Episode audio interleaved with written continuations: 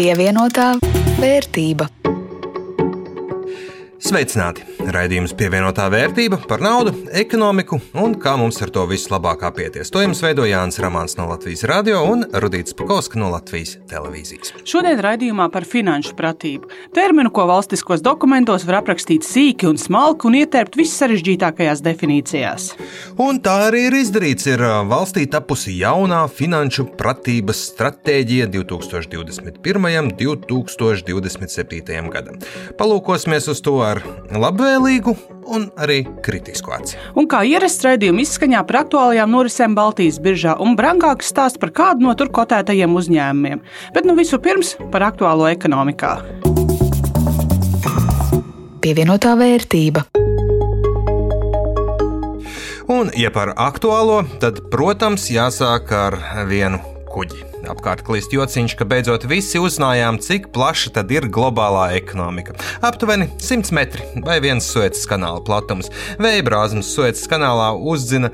Uh, krastā viena no pasaules lielākajiem konteineru kuģiem Ever Given. Kanāls pilnībā bloķēts un pagaidām šķiet risinājuma nav. Nu, sekas, sekas iespaidīgas. Suecas kanāla abos galos sastrēgums kā traknajos gados Rīgā uz salu tilta. Apbraukt tas nozīmē doties garā ceļojumā apkārt visai Āfrikai, un uzzinot izmaksas, finanšu direktoriem sāk raustīties acu plakstiņš. Un ietekmes sajūta arī pārvadātāji, kas pat negrasās izmantot Suecas kanālu, pietrūkst konteineru pārvadāšanas jaudu, kamēr kuģi ar konteineriem izmisīgi gaida, kad kanāla atbrīvos. Pēc plāna tam jau bija jābūt ostā, konteineros iekrautām nākamajām precēm un pašam kuģim jau jaunā ceļojumā. Ja ātri situāciju atrisināt neizdosies, jārēķinās, pasaulē preču cenas kāps, jo augsts transporta izmaksas. Turklāt jau izskan brīdinājumi, ka iespējama arī preču iztrūkumi, jo tās vai nepieciešamās izēvielas vienkārši nevarēs piegādāt. Tas par pasaules problēmām, bet tepat Latvijā divas pieminēšanas vērts lietas. Šonadēļ valdība sola, vadoties pēc Covid izplatības datiem, izlemt, ko darīt ar ierobežojumiem. Šobrīd piedāvājums ir pēc lieldienām ļauts strādāt veikaliem ar atsevišķu ieju, daudziem ilgi gaidīts notikuma pavērsiens, bet redzēs, vai vai tiešām tā būs. Un jau šovasar Latvijā varētu aizliegt vairākus plasmasas izstrādājumus. Jāsaudzējot dabu, nāksies atvadīties no plasmasas vats kociņiem, ēdamrīkiem, plasmasas šķīviem un vēl vairākiem plasmasas produktiem. To vietā jāizmanto vidē draudzīgāk, kas nevairo neprātīgos nepārstrādājumu atkritumu kalnus, kuri šobrīd, kad ēdienu pasūtam līdzņemšanai, aug galvreibinošā ātrumā. Pievienotā vērtība. Prast rīkoties ar naudu To mācīja skolās, bet līdzīgi kā ar sinusiem, kosinusiem, ne visas šīs iemaņas profesionāli pielieto ikdienā, vai, piemēram, Kādas ir sekas tam, ja sociālismā skolots cilvēks iemet atmodas kapitālismā ar visai draņķīgiem likumiem, redzējām 2008. gada krīzē. Pēc tās saprata, ka valstī un tās iedzīvotājiem krīzes pārdzīvot būtu vieglāk, ja iedzīvotāji spētu labi un disciplinēti vadīt paši savas finanses un neuzņemties pārmērīgas kredīt saistības, uzkrāt vecumdienām, un, respektīvi, kopā būtu finanšu prātīgi. Tā tapa valstī pirmā finanšu pratības stratēģija. Galvenais mērķis - veicināt cilvēku zināšanas par darbošanos nodarbošanos ar naudu. Ir speciāls indeks, ar ko šādu sabiedrības pratību mēra. Kopš 15. Eh, gada, kad mēs eh, veicām šo Latvijas iedzīvotāju finanšu pratības indeksu, mēs esam par 1,1% punktu pavirzījušies uz priekšu. Tas eh, izmaiņas notiek ļoti lēni, bet tās izmaiņas ļoti lēni notiek ne tikai Latvijā. Tas kopumā ir tāds pasaules tendence, ka finanšu pratība tik tiešām nu, iet uz priekšu ļoti lēni. Un arī mums šobrīd nav tāda izcila pasaules piemēra, ko mēs varētu nu, paņemt un teikt, tad mēs varētu darīt tieši tā, kā, tā kā dara šī valsts. Diemžēl nu, tas, ko mēs redzam, ka šis ir ļoti liels starptautisks izaicinājums, īpaši Covid-19 laikā. Tas ir ārkārtīgi izgaismojies, ka liela Latvijas iedzīvotāja daļa nebija sagatavojusies šajā krīzē ar finansiālo drošības spilvenu, dažādas problēmu risināšanas iemaņas un tā tālāk. Ir, diezgan liels izaicinājums. Dzirdējāt par stratēģiju atbildīgās iestādes Finanšu un Kapitāla tirgus komisijas pārstāvis Aizs Brikšs teikto Banku augstskolas diskusijā par finanšu pratību. Indeksā esam savākuši 21,7 punktus no 99 iespējamiem. Skolā par to laikam būtu nesekmīgi. Divnieks. Tagad tapusi jauna finanšu pratības stratēģija 2021. un 2027. gadam. Atšķirībā no iepriekšējās, tā koncentrēsies ne tikai uz skolām, bet arī uz ģimenēm, darba vietām, citām kopienām, lai maksimāli plaši aptvertu visus iedzīvotājus. 95% Latvijas skolēnu OECD PISA aptaujā atzīst, ka informāciju par naudas lietām viņi iegūst ģimenēs, un tikai pusi iegūst skolā.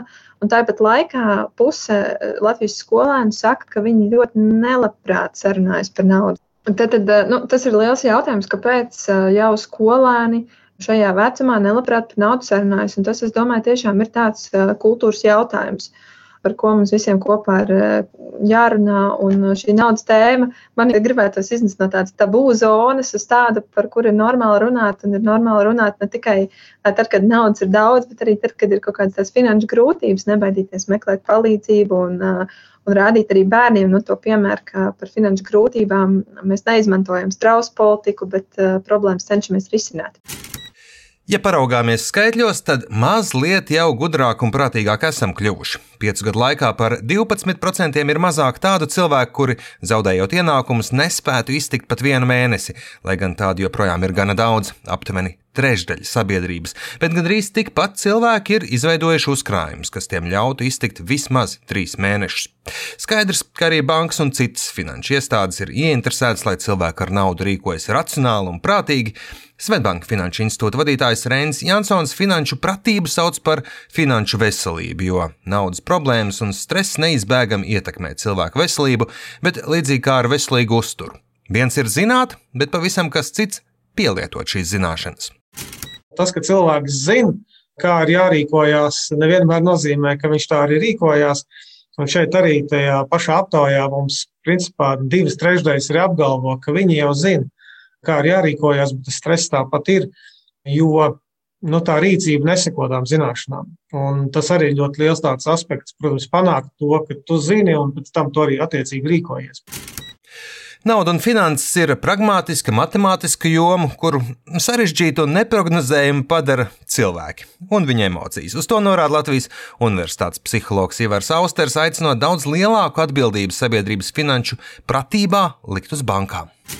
Var iemācīt, eh, kā būtu jāsadala ienākumi, cik daudz vajadzētu uzkrāt, cik daudz var tērēt izklaidēji, eh, un, un eh, cik daudz var ieguldīt, un cik daudz jānovirz kredīt maksājumiem un tam līdzīgi. To jau viss var iemācīties, bet tur papildus nāk, ja mēs šādi skatāmies, vide, kurā cilvēks nonāk. Ja? Nu, plašākā nozīmē kultūra, bet vēl vairāk iespaidos tā šaurākā nozīme, ko cilvēkam piedāvā banka. Droši vien, ka, ja tas plūst savu dabisko gaitu, tad tā reālā uzvedības komponente finanšu pratības indeksā, nu, kā tas tiek mērīts un kā tas nākotnē arī eh, ir paredzēts mērīt, vai ne, viņa nevar būt ideāla, jo tas, ko mēs zinām no tiem uzvedības ekonomikas eh, pētījumiem un konceptuālās pieejas, ja cilvēks nav šī hiperracionālā būtne radījums, kurš izvirza mērķus, ja, un tad ir nospraudis mērķus, un tagad eh, ne pa labi, ne pa kreisi dodas, kas būtu tas ideāls, tad, tad jau viss būtu kārtībā. Bet um, pat tie cilvēki, kuri spēj aprakstīt cilvēku rīcības modeli, kāds būtu tas ideālais lemšanas process, uzvedības process, kuram mums vajadzētu sekot, nu pat viņi pilnīgi godīgi atzīst, ka viņi tam nespēja vienkārši sekot, tāpēc ka viņi ir cilvēki. Ja. Jāatzīst, ka gan vecā, gan jaunā stratēģija ir pēc principa: mēs iemācīsim cilvēkiem ķert zivis pašiem un ik pa laikam pamērīsim, vai tie ir noķēruši vairāk. Nekas slikts, tam visam var piekrist, tādi zelta vārdi, bet būtu labi, ja šī stratēģija runātu arī par pašu dīķi, kurā tiek makšķerēts, un vai tur vispār ir zivis. Andris Šavājevs, RSU ekonomikas sociālā antropologs šie cilvēki, kas runā par finanšu pratību, ir tie, kas ir relatīvi labi pelnoši iedzīvotāji, kas tagad veido stratēģijas tiem iedzīvotājiem, kuriem ir zemāki ienākumi. Un tad mēs beig beigās runājam, ka mēs viņiem mācām tagad, kā tas rīkoties ar viņu ienākumiem. Un es domāju, ka mēs nevaram runāt par finanšu pratību tikai individuālā līmenī, jo, ja mēs skatāmies uz iepriekšējo stratēģiju, gan arī esošo stratēģiju, labi, tur ir kaut kādas atšķirības, bet tas, kas ir palicis, ir, ir palikuši šis fokus uz to, ka mēs tagad atrisināsim visu šīs finanšu problēmas, kas ir iedzīvotājiem, tad, ja mēs viņiem iemācīsim vairāk par to, kā, kā jāsliek ar procentu un kā tie ir jārēķina. Es domāju, ka tā pieeja viņai ir limiti. Tad, manuprāt, tas ir gluži tāpatās, kā mēs tagad mēģināsim risināt klimata krīzi, ja mēs tagad mācīsim iedzīvotājiem šķirot atkritumus. Protams, ka tam būs kaut kādi pozitīvi efekti, bet vai tas atrisinās klimata krīzi? Protams, ka nē. Tāpēc, ka līdz ar to, tad, kad mēs domājam par finanšu pratības jautājumiem, vismaz savā prātā, es vienmēr domāju tikpat ļoti arī par valsts fiskālo politiku, par nodokļu politiku, vai viņa ir progresīva, vai viņa ir regresīva. Mums ir tikpat ļoti jāskatās uz monetāro politiku, ko Eiropas centrālā banka stimulē un ko viņa nestimulē. Ja, vai, viņa, vai viņas politika ir mājasaimniecībām atbalstoša, vai viņa veicina pieprasījumu, vai viņa to nedara. Un mums ir jāskatās līdz ar to arī uz valsts industriālo politiku, vai tā ir augsta alga ekonomika vai zema alga ekonomika. Šie visi jautājumi ir tikpat svarīgi un centrāli, manuprāt, finanšu pratības stratēģijas veidošanā. Pievienotā vērtība. Bet noslēgumā, kā ierasts par to, kas notiek Baltijas biržā. Bez būtiskām un straujām kustībām pagāja aizvadītā nedēļa. Neliels kritums Viļņā, bet Rīgas un Tallinas biržas indeksiem tikpat niecīgs pieaugums. Visvairāk darījumu veikts ar Lietuvas energomilža Ignitis grupa akcijām - 4,4 miljonu vērtībā, un tā akciju cena turpina doties lejup šonadēļ par pusprocentu. Šauļa bankai straujāks akciju cenu kritums par teju 2%, taču otrs tirgotākais vērtspapīrs trešajā vietā tirzniecība ar Igaunijas tirzniecību tirzniecības uzņēmuma Tallina Kalbamāja grupu akcijām, to cena šodien palielinājās par 2,5%. Un līdz ar to mūsu portfeļos būtisku izmaiņu nav. Abi šonadēļ esam nelielos plusos. Kopš eksperimenta sākuma novembrī vērtības pieaugums man ap 20%, bet Jānis vēl turās priekšā ar nepilniem 30%. Nākamais uzņēmums, kuru plašāk apskatām biržas sižetu sērijā, ir Telija Lietuva. Pretēji daudzām citām nozarēm, kurām pandēmija radījusi pamatīgu sitienu, telekomunikācijas jomā strādājošiem uzņēmumiem šī krīze ir bijis iespēja laiks, un to pierāda arī Telija Lietuva, kas pērn audzēja gan apgrozījumu, gan peļņu. Telija Lietuva ir daļa no Zviedrijas koncerna Telija Company Group. Telija Company akcijas tiek kotētas Nasdaq Stokholm un Nasdaq Helsinku biržās. Par to, kādas sekmes uzņēmumam ir biržā, Lindas Zalāns veidotajā ierakstā. Telekomunikācijas uzņēmums Telija Lietuva ir integrētu tehnoloģisko risinājumu nodrošinātājs, kas piedāvā telekomunikāciju, IT un TV pakalpojumus no viena avota. Uzkrājuma un ieguldījuma eksperts Kaspars Pēcinieks vērtē Telija Lietuva akcijas sniegumu pēdējos piecos gados. Tās ir pieaugušas par 99%. Papildus tam šajā laikā saņemtas dividendes par kopējo summu 28 centi uz vienu akciju. Un, un pirms pieciem gadiem akcija maksāja eiro un, un divus centus. Attiecīgi kopējais ienesīgums piecos gados ir uh, 126%, ja saliktajos procentos 17% gadā. Un tas ir liels sniegums jebkuram ieguldījumam, taču šajā gadījumā tas ir īpaši liels ņemot vērā kompānijas darbības virzienu un nozari un attiecīgi šo stabilitāti. Pēcinieks akcentē, ka uzņēmuma akcijas ir salīdzinoši likvīdas. To apgrozījums biržā svārstās no 11 tūkstošiem eiro dienā līdz vairāk nekā 100 tūkstošiem eiro atsevišķās dienās. Tas nozīmē, ka dažāda izmēra investori var iegādāties Telija Lietuva akcijas un arī tās pārdot. Uzņēmums ilgstoši uzrāda arī labus finanšu rādītājus. Jau 2011. gadā kompānijas apgrozījums bija 217 miljoni, taču 2020. gadā tas sasniedz jau 398 miljonus eiro aplūkojot jā, finanšu rādītāju izmaiņas salīdzinājumā ar 2019. Eh, gadu, jāsaka, ka pērnajā gadā par spīti Covid-19 ietekmē uzņēmums ir spējis audzēt gan apgrozījumu, gan arī peļņu. Un eh, pēdējos piecos gados uzņēmums ir spējis uzrādīt arī stabilu neto peļņas maržu vidēji 14% gadā. Telija Lietuva ir arī uzticams dividendžu maksātājs. Kompānijas dividendžu politika paredz, ka dividendēs ir jāizmaksā līdz 80% no brīvās naudas plūsmas. Iepriekšējos gadus uzņēmums ir izmaksājis dividendēs gandrīz visu peļņu, ko ir gūs uz vienu akciju. Tāpēc arī visticamāk šogad varam sagaidīt dividendu līdzīgos apmēros būs tāda, tāda pati kā pērn vai pat nedaudz augstāka. Pie līdzīga dividendes apmēra dividendžu ienesīguma līmenis šī brīža cena būtu ap 4,4%. Un, ja salīdzinām to depozītu likmēm, tad tā ir gana pievilcīga. Tomēr salīdzinot ar eh, citiem Baltijas biržā kotētiem uzņēmumiem, tā nav augstākā. Bet vai uzņēmums pēc eksperta domām pat laban ir pievilcīgs ieguldīšanai? Pirms valuācijas rādītāju aplūkošanas instinktīvi rodas pārliecība, ka ņemot vērā straujo akcijas cenu kāpumu eh, iepriekšējos gados, eh, uzņēmumam šobrīd būtu jābūt novērtotam relatīvi dārgi. Un tā arī ir. Redzam, ka Telija Lietuvas cenas un peļņas attiecība ir par 53% augstāka nekā 5 gadu vidējais rādītājs. Tāpat arī cenas un apgrozījuma attiecība un tāpat arī cenas un bilances attiecība. Arī dividendžu ienesīgums šobrīd ir zemāks nekā iepriekšējo trīs gadu un arī desmit gadu vidējais rādītājs.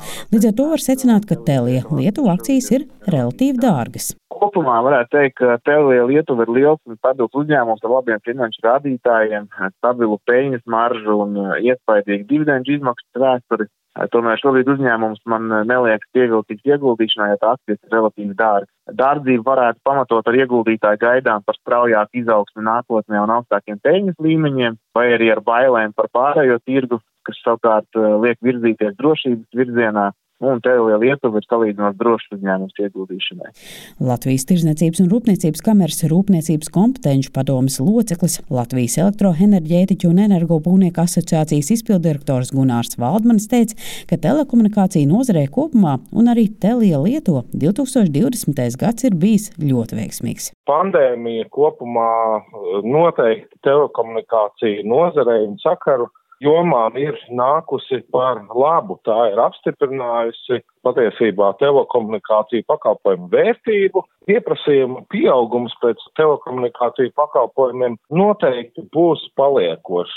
Faktiski šī tendence jau sākās nākamgad, jo tieši Lietuvā šis TV grupas uzņēmums ir sācis un paziņojis par uh, plāniem tā sauktājām 5G tehnoloģijām, kur tad komunikācija ātrums ir tik liels, lai spētu nodrošināt ne tikai vienkārši datu pārraidi, sakarus, bet arī jau ļoti, nu, kā lai saka, īsu latentumu. Jeb reakcijas laiku, cik ātri telekomunikācijas signāls sasniedz adresātu. Līdz ar to tas ļauj attīstīt aizvien jaunas tehnoloģijas, piemēram, attālināt vadāmas transporta līdzekļus. Linda Zalāne, Latvijas radio. Pievienotā vērtība. Ar to arī skan raidījums pievienotā vērtība. To jums sagatavoja Jānis Ramāns no Latvijas radio un Rudīts Pakauska no Latvijas televīzijas. Par labskaņu rūpējās Ulrichs Grīnbergs. Šo un arī citus mūsu raidījumus varat atrast gan Latvijas radio mājaslapā, gan populārākajos podkāstu servisos. Uz tikšanos pēc divām nedēļām. Pievienotā vērtība.